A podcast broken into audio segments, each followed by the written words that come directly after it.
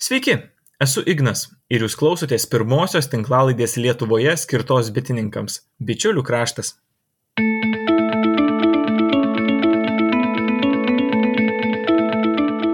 Šiandien kalbinsiu Vytautą Gudelį, žmogų, kuris stovi už prekės ženklo Medaus kalnas. Mano galva, Medaus kalnas yra vienas geriausiai pristatomų bitynų Lietuvoje.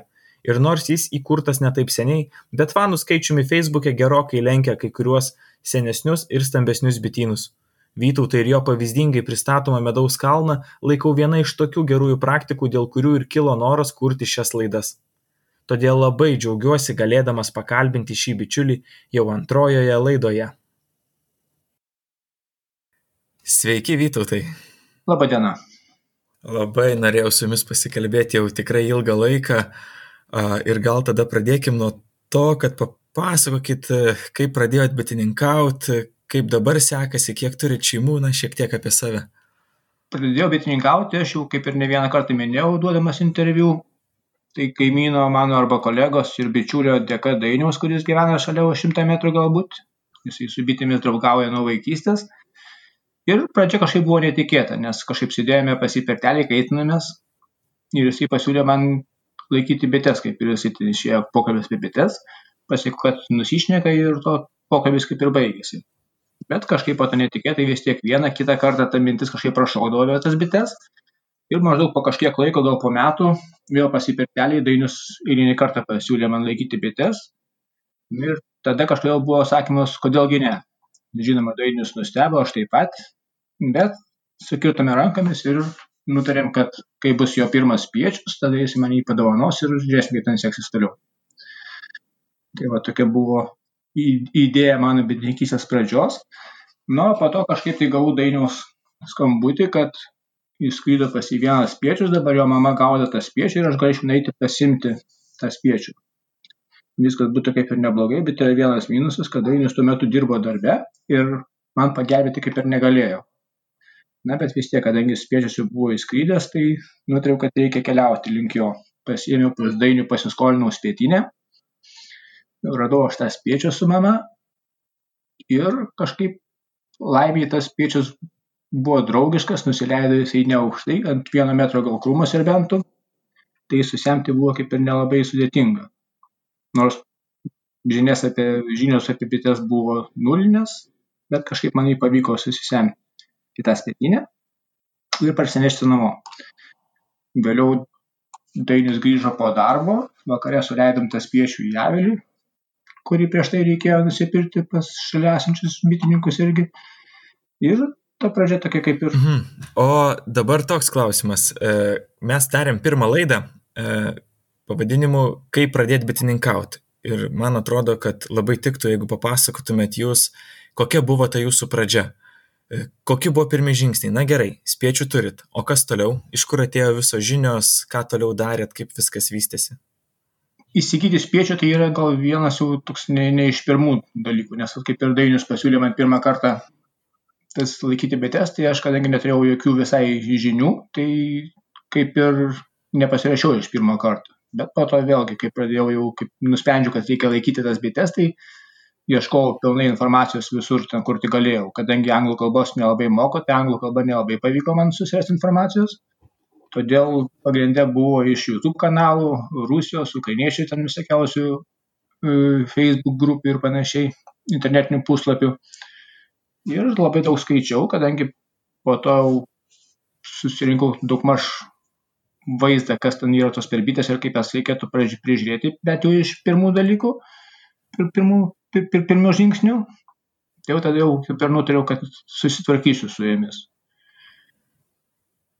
Tai va, pirma yra, manau, pirmas žingsnis būtų žinios kažkiek bent pirminės. Aišku, idealiausias variantas, kad būtų šalia kažkoks bitininkas ir pasikokius metus arba, nu, bent ir pusę metų vasarą praleisti su juo kartu, tada jisai parodytų maždaug, kaip ten tos bitės gyvena, kaip jos elgesi, paaiškintų ypatumus ir pas tada galėtum suprasti, patinka tavo jos ar ne, nes iš interneto atrodo viskas labai paprasta, o kaip eini prie avilio, tai truputėlį skiriasi kardinaliai tas visas vaizdas ir darbas negu interneto. O kuriais metais jūs pradėjot? O aš dabar neatsimenu prieš kokius 8 gal metus, 9, ne, negaliu sakyti. Mhm. O kaip šiandien jums sekas, nes aš mačiau, kad internete jūs net esat pasiskelbęs e, tokius tikslus, kokius savo išsikeliat prieš sezono pradžią, tai kaip sekasi juos įgyvendinti ir va paskutiniai metai, tai kuo užsibaigė, kiek šeimų nuėjo žiemoti ir kaip pats vertinat tą progresą? Matot, mano planus truputėlį koreguoja pagrindinis darbas, nes aš turiu dar pagrindinį darbą ir neužsima vien bitininkystę, tai reikia taikytis prie darbo. O planus aš kaip ir pradėjau bitininkauti kažkada, tai buvau susirašęs ant tą keturių formato lapo, susirašau tuos visus planus, ką aš norėčiau pasiekti, ką padaryti, ką išbandyti bitininkystėje. Kai kas įsibraukia, kai kas pasipildo, bet tas A4 formato lapas kaip buvo, taip ir yra pilnas prirašytas visokių idėjų. Taip kad darbo yra kur dirbti. Na, o kiekvienais metais vėlgi tam tikrus tikslus susibrėži, kažkada prasiplėsti bityną, kažkiek tai pasiekti metaus, kažkiek tai rinkti vaško, nes tai kažkaip tai yra stimulas kažkoks tai tobulėti, nes jeigu vien tik tai eisi prie bičių, tai manau, to gal nepakanka, vis tiek reikia kažko tai siekti didesnių rezultatų ir, ir lyginti su pernai metais, kaip tai viskas sekėsi. O kadangi internete dažnai bendrauju labai įvairiomis temomis, tai manau šitą temą irgi taip pat lygiai buvo kaip ir neišimtis, nes manau, kad daugam, kaip ir pačiam, yra įdomu sužinoti, kaip kitiem bičiuliams sekasi. Šiais metais norėjau žiemoti su 32 šeimom, dabar tik tai yra viena šeima jau žuvusi iš rudens, o kas liečia planus, tai buvau užsibrėžęs truputėlį gauti daugiau medaus, bet kadangi paskutiniai pernai metų mėnesiai buvo nelabai kokie sėkmingi medaus atžvilgių, tai medaus surinkau mažiau, gal kokių 20, 200 kg negu planavau. Ir dar buvau planavęs pamėginti pasidaryti daugiau šius avelius ir juos pamėginti bitininkauti, bet šitas planas irgi neįvykdytas, nes nepasidariau nei vieno avelio dėl laiko stokos. O visi kiti tikslai, kokias buvau užsibrėžęs, daug maž yra kaip ir pasiekti. Tai vat. O jūsų šeimos dabar gyvena Dadano tipo aviliuose? Taip, aš bitininkauju pagrindę Dadano tipo aviliuose, 16 rėmų Dadano aviliai. Ir penki aviliai yra imti pagal parą, čia anksčiau buvo imti, jie yra Dadano taip pat aviliai, bet jie 12 rėmų. Bet pagrindė yra Dadanas, tačiau noriu išmėginti ir daugiau aukščius, nežinau, kaip seksis šiais metais jau bus, bus pradžia turbūt. Mhm. Aš jūs Vytautai pastebėjau šiaip dar 2015 metais. Mes tada nusprendėm su šeima žengti į internetą, į Facebooką, nes pažįstamų ratą kaip medum ir apdalinom, patiem irgi jau užteko, reikėjo kažkur jį parsiduoti. Turgui stovėti ne visą laiką yra variantas, turgų, turgaus populiarumas mažėja ir mes žiūrėjom konkurentus, žiūrėjom visus, kas turi susikūrę bitininkystės puslapius Facebook'e. Ir aš dabar nepamenu, kelintas jūs buvot pagal fanų skaičių, bet man atrodo, kad 2015 metais bent jau iš to, ką aš mačiau, jūs buvot antras ar trečias. Kiti buvo e, berots medaus namai, bet tai jau yra įmonė. Ir iš tokių bičiulių, paprastų bičiulių, kurie tiesiog bitininkauja, jūs man padarėt tikrai nemenka įspūdį ir stipriai išsiskyrėt. Ėmiau jūs kaip pavyzdį. Ir dabar man labai sunku patikėti, kad jūs tuomet bitininkavot tik tai kelis metus, kad tai buvo irgi jūsų pradžia. Man atrodo, kad tai nėra labai įprasta bitininkui. Paprastai bitininkai iš mano patirties pradeda bitininkauti, turi daug bičių šeimų, susikuria didžiulius bitynus ir tada galvoja, kur tą medų dėt. O atrodo, kad pas jūs viskas ėjo lygiai grečiai. Tai man yra be galo įdomu. Papasakokit, prašau, kaip pradėjote vystyti savo marketingą, kada gimė idėja medaus kalno puslapiui ir ne tik Facebook'o, bet ir internetiniam puslapiui, nuo ko pradėjot, na ir kaip čia viskas vystės. Taip, iš dalies norėčiau sutikti, nes aš taip pat dažnai stebiu, kas dedasi Facebook'e arba web puslapiuose, nes esu pakankamai smalsus. Ir kaip aš sukūriau 14 metais e, mūsų medaus kalno puslapį, tai buvo irgi taip pat kaip ir pats buvau peržvelgęs, e, kas yra internetinė erdvė. Tai iš tiesų buvo tokių bitininkystės puslapių populiaresnių kaip ir tikrai nedaug, kaip ir minėjai, tai buvo medaus namai puslapis, dar buvo Vaido bitino iš Panvežio puslapis ir tokie, kurie galėtų pasigirti didesniais tokiais rautais lankytojų, kaip ir jų buvo, buvo dar pavieniai tokie bitininkų puslapiai. Po mūsų susikūrimo, jau tada jau kaip jau siekiau tolimesnius veiksmus, tai tikrai buvo tada jau atsirado truputėlį daugiau populiaresnių internetinių puslapių. Atsirado tada ir šešnu medus, rūdžių medus, kiek atsimenu, bubilas pradėjo savo veiklą, brolių medaus puslapis atsirado, beros 15 metais nepersniausiai vėlgi peržiūrėjau tą visą statistiką, tai norėčiau įskirti brolių medus, tai jie tikrai šaunuoliai, nes dabar jau nuo 15 metų turi apie 10 tūkstančių sėkėjų. Mes, kai pradėjome e, savo puslapio veiklą, tai gan greitai pasiekėme tą sėkėjų srautą. Šiuo metu yra apie 2700. Tačiau, e, kaip ir pats pastebėjote, tai mūsų veikla truputėlį prasidėjo kitaip, nes dauguma bitininkų iš pradžių įsigyja, kaip ir minėjai, avilius, turi didelį kiekį medaus ir po to galvoja, kur tą medų dėti. Tačiau mes truputėlį pasirinkome kitokią, kitokią kryptį, gal kitokią kelią, nes iš pradžių daug dėmesio skiriam į marketingą, į to medaus kalno kūrimą. Susiradome tokią nemažą auditoriją, o po to didiname medaus gauto kiekius. Kiek tai pasiteisino, nežinau, tačiau vėlgi tai yra matomas tolimesnės vizijos perspektyvos, kad jeigu medus išeina, tai galima plėsti toliau bityną. O jeigu tu iš karto gausi didesnį kiekį turėsi medaus ir neturėsi kur realizuoti, tai automatiškai tas noras daugiau plėstis ir kažką tai tobulėti yra, gali likti toje pačioje vietoje arba sumažėti netgi. O koks buvo pats pirmas žingsnis, kūrėt web puslapį Medaus kalno? Jis ėjo kaip ir tolygiai, kadangi bitės prižiūriu vienas, tai tam dėmesio internetiniam darbui kažkaip buvo truputėlį mažiau, bet laimė yra šeimos nariai, kad irgi prisideda prie, prie šio darbo, kas liečia ne bites, bet prie interneto. Tai ypač yra tokia šaunuolė Marta pas mus, kuri tikrai turi daug labai idėjų, padarė didelį labai darbą, kas liečia techninį, tiek medaus kalinę, tiek, tiek, tiek puslapio, tiek e, Facebook'o kūrime. Man beliko tik tai jau tas jau techninis darbas, liko straipsnių rašymas, fotografijos ir panašiai. Sunkiausias buvo dalykas greičiausiai, kad e, galvoti pavadinimą medaus, pavadinimą bitino, to viso projekto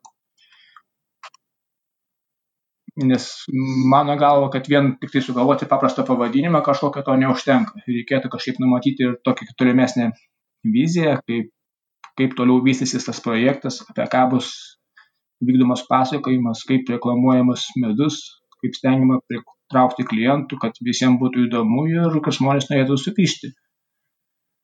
Tai sunkiai rinkomės mes tą pavadinimą, buvo įvairių variantų ir medus, ir bičių medus, ir vytauto medus, bet kadangi tuo metu jau tų bitininkų buvo nemažai, kurie darė savo medų, tai, tai pavadinimai kaip ir netiko.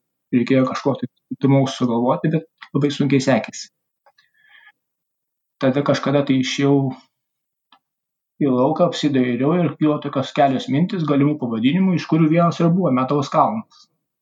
Kaip pasakiau giminaičiams, artimiesiams, kad gal pavadinkime Medaus kalnu, tai nuomonės buvo dviprasmiškos vieniem tai asociavosi su batų kalnu, kitiems su, kitiems su medaus kalnu dideliu, kur sukauta daug medaus.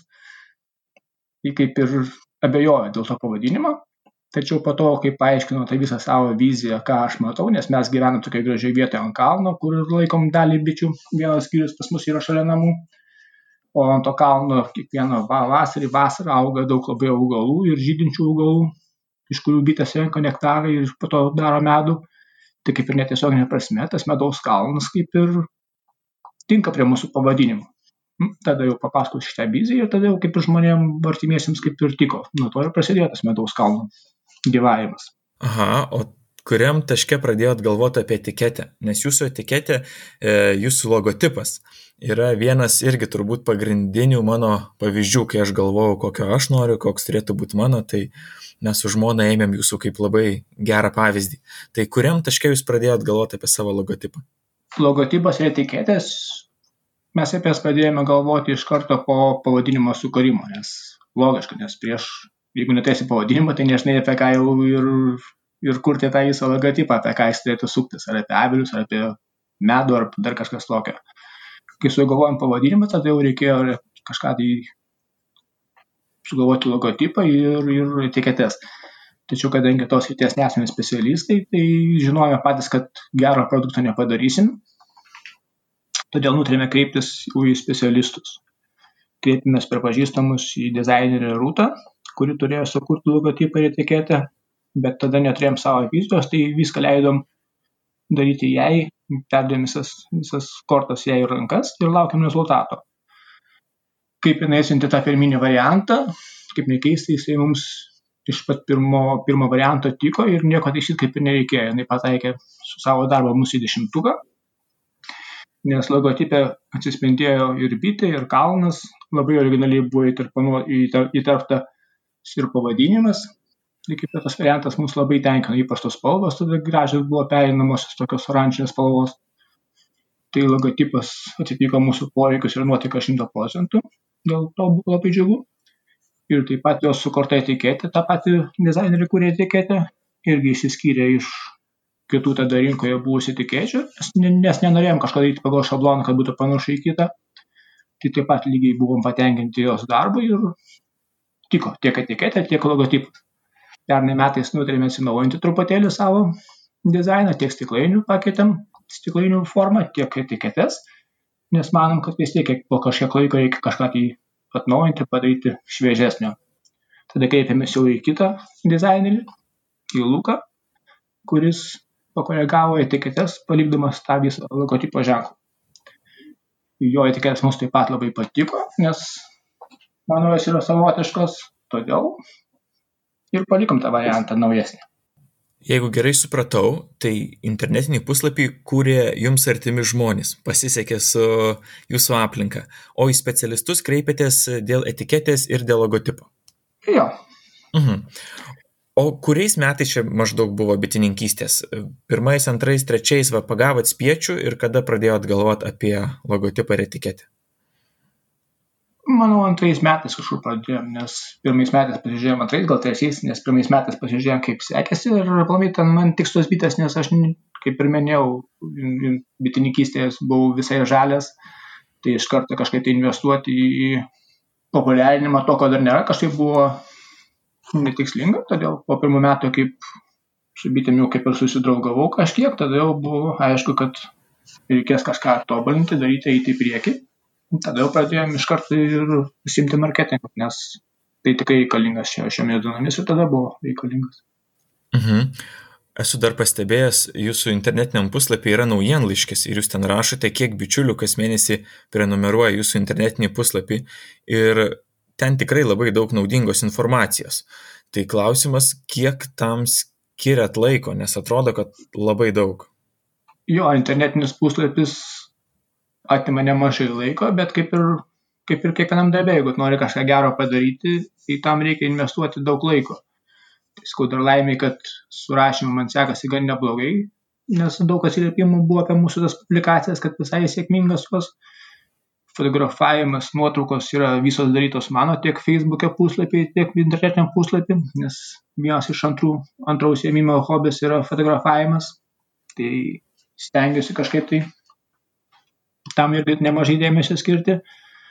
O pats puslapis, tai po truputį jisai kažkaip vėlgi auga, auga, išauga į tą, kas jisai dabar yra, nes pirminis variantas tai buvo kaip ir visų bitininkų medus, medaus realizavimas, reklama.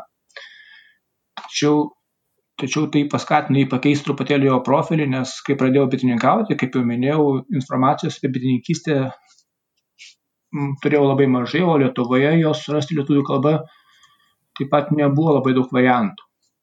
Todėl daug ką, kaip ir minėjau, susiradęs internetiniuose puslapiuose ir kadangi mėgstu viską konspektuoti, tai buvau dalį tų visų informacijos, kas man gali prireikti, ko man, ko man prireikė, ką išbandžiau, susikonspektavęs buvau. Tai beliko tik tai tą visą informaciją, ką aš buvau surinkęs, permesti į internetą. Tikslas, kad ir kiti bitininkai galėtų rasti daug informacijos vienoje vietoje, kad jiem nereikėtų ieškoti papildomai landžioti po internetą, tuo labiau, kad dabar jau jaunimas ir tos rusų kalbos nelabai, nelabai moka. tas puslapis truputį gavo kitą poziciją, bet manau, kad jisai kaip ir pasiteisino, nes tikrai nemažas rautas yra lankytojų. Šiuo metu per mėnesį pas mus yra kažkur tai puslapį aplanka apie 3500 aktyvių lankytojų kiekvieną mėnesį. Su tuo naujienų laikraščiu truputėlį užstrigo, nes, kaip ir minėjau, turiu dar vieną darbą pagrindinį, todėl neturiu, negaliu reguliariai skirti temų rašymui į puslapį, todėl tas naujienų laikraštis iš pradžių jisai kaip ir veikia, po to truputį užstrigo, nes reikia, kad jisai gerai veiktų, reikėtų kiekvieną mėnesį parašyti po 2-3 temas, kad būtų galima pasiūlyti lankytojams. Bet manau, kad tą klaidą bus dar galima ištaisyti. Ir jūsų puslapį yra vienas labai įdomus projektas. Jūs skaičiavot medaus savikainą tai turbūt yra viena tų karščiausių temų bičiulių tarpe ir ten jūs pas, esat paskaičiavęs kelias skirtingas kainas priklausomai nuo to, kiek imsim valandinį e, darbo užmokestį. Bet labai norėčiau, kad kažkiek pakomentuotumėt, kaip kilo tokia idėja, galbūt kažkas nustebino e, jūsų atliktam tyrimė ir gal dar kokių minčių turit. Na, minėtai publikacijai, manau, truputėlį neteisingai gal parinkau pavadinimą. Tai nėra medaus savikaina, tai greičiausiai būtų mūsų medaus paskaičia, pas, tai paskaičiavimas mūsų medaus kaina, būtent mano. Nes e, tai paskatino padaryti tokį paskaičiavimą e, diskusijos Facebook, nes daugelis komentarų būdavo, kad e, jeigu žmogus įmeta kokią nors medaus pardavimo kainą pigesnę, tai dalis, dalis komentatorių priekaištaudavo, kad jie nevertina savo darbo, nevertina bičių darbo ir panašiai. Tačiau tuose komentaruose irgi neretai vienam kitam užduodavau klausimą, o kaip tai paskaičiuoti, kiek jie vertina patį savo medų, savo bičių darbo. Ir tą atsakymą kažkaip žmonės man nesakyti negalėjo. Diskusija kaip ir baigėsi tuo, tuo požiūriu. Todėl ir kilo ta mintis kažkaip paskaičiuoti, kiek gali kainuoti tas medus, kiek mes išleidžiam išlaidų, kad ateityje būtų galima pratesti tą diskusiją truputėlį plačiau todėl pasirinkau tam tikrus kriterijus, maždaug susirašiau į lentelę, ką aš darau, kur praleidžiu laiko ir kiek laiko. Ir retkarčiais, kaip ir kažką darydavau, tada po truputį užsirašydavau ant juodraštinio varianto, kada pradedu tam tikrą darbą daryti, kada pabaigiu. Ir vakare tai visi duomenys perkeliau į Excel lentelę, kuri ten viską suskaičiavo ir gale metų gavosi gan, gan sėkmingi skaičiavimai mano mano medaus, kur aš išleidžiu kažkiek laiko. Žinoma, ten galbūt buvo tų skaičiukų ir nelabai reikalingų, bet įdomumo dėliai, kad susidaryti visą pilną vaizdą, tai jie buvo pasirinkti tokie. Nes pavyzdžiui, jeigu tu neskaičiuosi sąnaudų, kiek išleidi mokslam, pavyzdžiui, arba kiek laiko praleidi iškodamas informacijos. Jeigu, jeigu nesidomėsi tuo, tai gausi automatiškai ir mažesnius medaus kiekius ir bus tau sunkiau jį parduoti Todėl visas tas sugaištas laikas, manau, turėtų būti skaičiuotas į tą, į tą mano paskaičiavimą. Mhm. Ar nesikeitė per laiką, nes kiek mačiau, tas tyrimas yra atliktas prieš porą metų. Ir aš, jeigu gerai pastebėjau, anksčiau medų pardavinėdavot po 7 eurus, dabar berots po 6. Tai galbūt kažkas pasikeitė, kažkoks požiūris.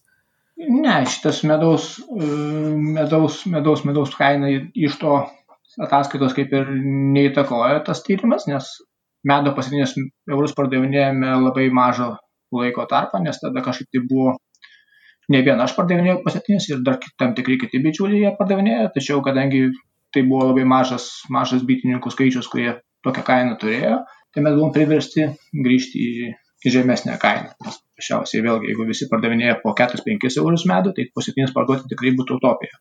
Kas liečia tuos skaičiukus, tai jie kaip ir nesikeitė, nes norėtų, norėjau tuos maždaug pačius skaičius paskaičiuoti kokias 3-5 metus, tada būtų galima daryti kažkokias išvadas, nes iš vienų metų arba iš dviejų, tai kažkaip tai sunku kažką tai, kažką tai, kažką tai išanalizuoti. Tačiau, vat, darydamas lentelę, iškrito tokie skaičiai, kad, nu, vat, spiečių gaudimas. Ne? Tai vienais metais aš išleidau, praleidau spiečius gaudimas 46 valandas, kas mano atveju atrodė, kad tikrai per daug, nes buvo smalsu, dažnai važinėdavau patikrinti tas pietinės, ar jos apsigyveno bitėmis ar ne. Ir jau pernai metais spiešius gaudymus praleidau tik 21 valandą. Tai vad pagalvojus, padaręs išvadas tam tikras, laiko galima buvo sutaupyti. Taip pat netgi įdomumo dėlį, pavyzdžiui, ar pats tik negalėtum pasakyti, kiek laiko praleidai Facebook'e. Neskaičiuoju, tikrai nežinau. Aš žiemą praleidžiu labai mažai, o vasarom... Brr, geras klausimas. Žinokit, nežinau, Vytautai. Primetęs paskaičiavęs tuos visus niuansus, atrodo, kas ir smulkmena kažkokia, tačiau užpernai aš buvau praleidęs, nu, grubiai paskaičiavus apie 54 valandas Facebook'e, vien tik tai bendraudamas su, su bičiuliais Facebook'o puslapiuose ir ieškodamas informacijos, pernai 34 valandas. Tai vat vėlgi tas galima pasikoreguoti, nes mano bendravimas kaip ir nelabai sumažėjo, tai taip padariau tam tikras išvadas. Anksčiau komentavau daug ir, ir, ir nežinau, diskusijose labai užsi, užsi, užsivesdavau, nes tikrai diskusijos kartais būna didelės, ilgos, įsipriešia visą dieną netgi. O po to padariau išvadą, kad visgi tikslingiau parašyti savo nuomonę, kam reikia jisai žmonės suras tą nuomonę, įvertins, o bereikšmės diskusijos kaip ir įgaišina laiką paskaičiavus vieną kitą, padaręs išvadą, galima sutaupyti nemažai laiko. Geras. Pastebėjau, kad didžiąją laiko dalį dabar kalbėjote apie laiką. Tai mano paskutinių, man rodos, poros, poros metų pagrindinės mintys prieš bitininkystės sezoną ir yra, kaip staupyti daugiau laiko, kaip praleisti mažiau laiko. Tai panašu, kad tie, kurie galvoja, visiems panašios mintys. Dar toks klausimas. Jūs turite tikrai nuostabės etiketės medui, Facebook puslapį, internetinį tinklapį, o ką dar ar yra dar kažkokie marketingo projektai man atrodo dar turit grupę tiesiog kur buriat bičiulius feisbuke o o gal dar kažkas yra Na, marketingas šiaip sudėtingas dalykas, nes jis neapsiriboja vien tik tai pavadinimo sugalvojimu ir medaus fotografavimu.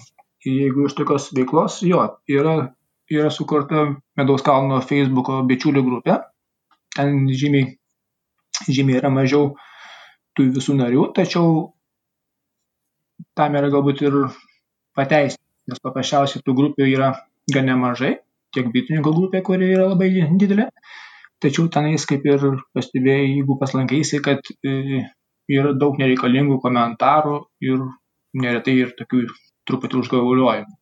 Tai aš savo grupėje stengiuosi tokius komentarus ištrinti, skelbimus, kurie nesusiję su atsakymais arba komentarus, kurie nesusiję su atsakymais taip pat trinu ir lieka tik tai švari informacija, kad žmonės bičiuliai galėtų greičiau ir patogiau surasti tą informaciją, kas juos galėtų dominti. Todėl tie srautai yra mažesni, tačiau manau, kad informacija yra tokia pati kaip ir didesnėse puslapiuose. Tai vad, medaus grupės, tas Facebook puslapis, ta grupė yra, jinai daugiau akcentuota į bitininkus, o pats medaus kalno puslapis daugiau akcentuotas į mūsų medaus pardavimus, medaus mėgėjus ir informaciją, kas liečia galbūt gyventojų daugiau dvi tokios yra grupės, yra mūsų puslapis ir dar vienas, ką vertėtų pastebėti, pažymėti, buvau gavęs prieš kelius metus neblogą visai pasiūlymą e, rašyti publikacijas sodo spalvų žurnale. Tai aš galbūt tris metus rašiau kiekvieną mėnesį įvairias publikacijas, kas liečia bitininkystę, kas liečia medų. Ir tai tikrai buvo įdomi ir naudinga patirtis, nes tikrai, manau, pavykęs buvo projektas, nes sulaukiau nemažai nemažai komentarų, tiek skambučių iš skaitytojų, tai tikrai buvo įdomu. Aš dabar bekalbant su jumis susidariau tokį įspūdį, kad jūs tikrai skiriat sąžiningą laiko kiekį mokslui, naujom žinioms, naujoms idėjoms. O va dabar jau tiek prabitininkavęs, tiek metų praėjo, jau knygas turbūt pagrindinės lietuviškas perskaitėt, populiariausius filmukus pažiūrėjot, o kur dabar jūs semėte žinių?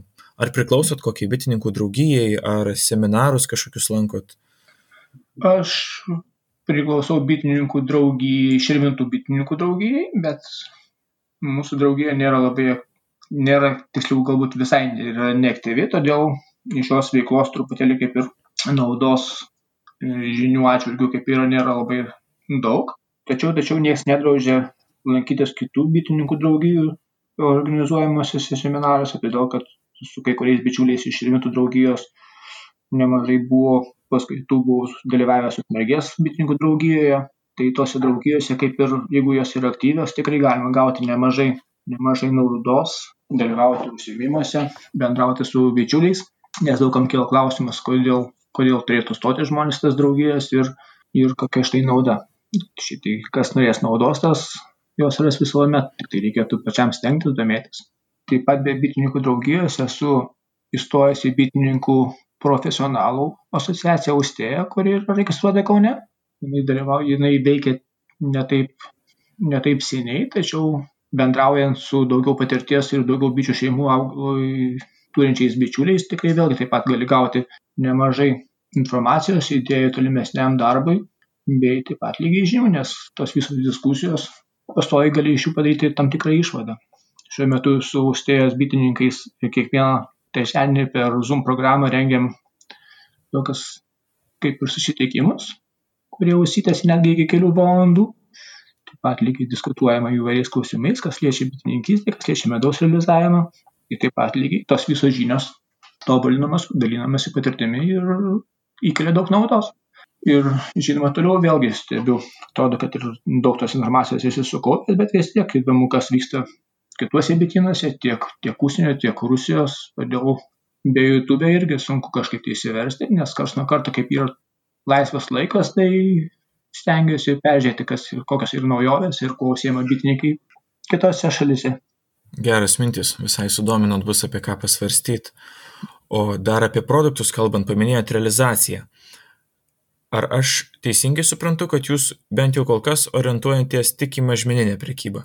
Taip, kol kas mes susijęm tik tai mažmeninę prekybą, nes bičių duoneliai ir žiedadulkės išeina gan greitai, todėl, todėl taip kažkaip tai didmeną jos nepardavinėsi. Medaus kiekį, kadangi, daug, kadangi šeimų yra nedaug, tai medus irgi pagrindai išeina visas mažmenoje, didmeną dar ne. Tačiau, kaip būdavo geresni metai, tai likdavo kažkur tai po 200 kg medaus, tai paskaičiavus ir padarius teigiamas išvadas. Ir dar mintėse, kadangi yra plėstis, tai manau, kad ateityje, ko mes nesugebėsim realizuoti mažmenoje, tai bus galima supilti į vieną kitą statinę ir parduoti didmenoje. Tai vėlgi yra kažkoks pinigų šaltinis, kuris, kuris, kuris, kurį galima išnaudoti reikėtų. Reikėtų tą procentaliai pasižiūrėti, ką tu gali realizuoti mažmenoje o kitą dalį tada iš karto suplanuoti, pilstyti į statines arba į kibirus ir stengtis realizuoti tada per didmeną. Nors kaina yra nelabai priimtina, šiais metais tai kaina buvo pakilusi, pernai tiksliau didesnė, tačiau vis tiek tai yra finansai paėmus. O, o kiek pernai metais mokėjo už medaus kilogramą? Aš dabar tiksliai neatsimenu, bet pernai galbūt iki 2 eurų, gal euras 80 mokėdavo, bet vėlgi tai priklauso koks medus ir kokie kiekiai. O šiais metais, kaip ir, kaip ir daug kas turėjo galėjo galimybę pastebėti, tikrai kainas buvo pašokusios, netgi iki 2,5, kažkas siūlė netgi ir 3 plus. Ir tų pačių supirkėjų buvo labai šiais metais, tiksliau, pernai metais buvo išaugęs skaičius. Jeigu anksčiau supirkinėdavo oficialiai ten, kas keldavosi į Facebook'e vienas kitas žmogus, tai pernai pastebėjau, kad buvo 3-4 žmonės, kurie supirkinėjo tą medų įvairiais kiekiais. Mhm. Esu dar pastebėjęs, kad jūs e, plečiate savo produktų liniją ir berods pradėjot prekiauti sekcijiniais rėmeliais su koriu, jeigu aš gerai vardinau. Taip, mes bandėm šitą dalyką irgi išnaudoti. Tiksliau prekiavomės tais sekcijiniais rėmeliais ir anksčiau, tačiau gal netaip, netaip stipriai skelbėmės. Tačiau tai yra vienas iš tokių sunkesnių dalykų, ką galima būtų parduoti, nes, kaip ir minėjau, žiedadurkės ir bičių donelė eina gan greitai, o medus su koriais, seksiniais rėmeliais, tai jisai išeina truputėlį sunkiau, nes vėlgi yra didesnė kaina negu paprasto medaus ir žmonės dar nelabai, nelabai, nelabai nori jo pirkti. Mūsų pirkėjai, kas pirko tą medų sekcinius rėmelėse, tai jie žinojo tą visą vertę to medaus galbūt, nes natūralesnis produktas, nes jis yra neapdirbtas nei mesukiais, nei kitom, kitom visokiom priemonėm. Tai yra medus su koriu, kuris, kuris manau, yra kažkiek naudingesnis negu, negu išsuktas ir žmonės, kas žino, kas tai tokia, tai gali sumokėti ir didesnius pinigus. O iš kur semėtės idėjų produktam? Gal galvojate dar kokį nors naują įvesti? Na, pasidarius aplinkui tikrai yra daug, daug įvairių gerai, jau šiuo metu gražiai pateikiamų prekių, tikrai ir įpakavimai yra išskirtiniai, ir semtis kaip ir yra iš ko. Pasidarius aplinkui galima būtų kažką pasikoreguoti savo, tačiau mano nuomonė, kad reikėtų pirmiausia atkreipti dėmesį kaip tu pats norėtum gauti tą produktą. Kaip jis turėtų būti supakuotas, kaip jisai turėtų būti atrodyti, kad kokie priedus prie jo turėtų būti. Ir tada, ką tu pas norėtum gauti, tą būtų lengviau tada perkelti ir į realizavimą. Jeigu tu pas matai, kad nori gauti vienaip ar kitaip supakuotą produktą, tai tu ir pats sugebėsi jį paruošti taip, kaip tu norėtum gauti. O jeigu tu jau pažiūrėsi, kad man tiks ir plastikinė mindelė tas medus, tai vadinasi, taip ir pardavinėsi, o rezultatai tada vėlgi taip pat skirsis kas liečia pačius produktus, tai plėstis labai nėra kur, tiek dėl laiko, tiek dėl, tiek dėl realizavimo, tačiau manau, kad šiais metais reikės įtraukti į asortimentą kreminį medų ir bičių žvakės, gal bičių vaško žvakės. Dar paskutinis klausimas apie jūsų marketingą. Esu pastebėjęs, kad karantino proga pradėjo atsiųsti medų. Ir labai gražiai, dėžutės, kuriuose siunčiat, berots turi jūsų logotipą. Tai ar šitas sprendimas pasiteisino šiemet, ar buvo tokių, kas sutinka gauti medų paštomatais? Jo, karantinas pakoregavo medaus pardavimus, nes kadangi negalėjo pristatyti daug kas tiesiai nuo durų iki durų medaus, tai tekdavo pasinaudoti ir paštomato paslaugomis. Tai ne tik aš manau ir kiti bitininkai taip pat lygiai sėkmingai tą išnaudojo. Tačiau kaip ir, kaip ir kiekvienoje srityje, kiek kažkas žiūrėti kažko, kažko naujo, nes e, tų bičių medaus produktų pardavėjų tikrai paskutiniu metu yra padaugėję, todėl reikia kažkaip įsiskirti iš kitų. Tai kas nuo karto galvoju vieną kitą idėją, tai vad neišimtis buvo ir tie, tas ženklinimas atrodo, kad maža smulkmena, tačiau vėlgi gavęs galutinį produktą, tu įvertini kiekvieną smulkmeną ir, ir susidaręs bendrą vaizdą yra šansų, kad tie žmonės sugrįž. Tai galima ir daugiau prigalvoti būtų tų visokiausių niuansų, kas ir pas mus ir yra išnaudojama, tačiau tas anspaudukas kaip ir viena iš smulkmenų, kas, kas paskatina atkreipti dėmesį. Manau, mūsų šitą diskusiją vėlgi tai savo jau sulaukia, nes vieno kito pirkėjo arba kito bičiulio dėmesį atkreipia, tai vadinasi, kaip ir pasiteisino. A, tikrai labai geras sprendimas. Ir ką galėtumėt patart bičiuliam apie marketingą, apie tai, kur kreipdėmėsi, gal turit kažkokių patarimų, matot tą mūsų lietuvišką rinką, kad žmonės per daug nepersistengia didžioji dauguma bitininkų, vėliau ir kainas stipriai savo muša, kad tik tą medų kažkaip parduot. Tai kokie būtų jūsų patarimai vystant marketingą bičiuliams? Na nu, nežinau, aš kaip esu nesu baigęs aš kokius nors mokslus marketingo srityje, todėl pasakyti vieną kitą patarimą kaip ir negalėčiau, nes nežinau pas tai gerai darau ar blogai, bet kad sekasi, tai yra vienas variantas.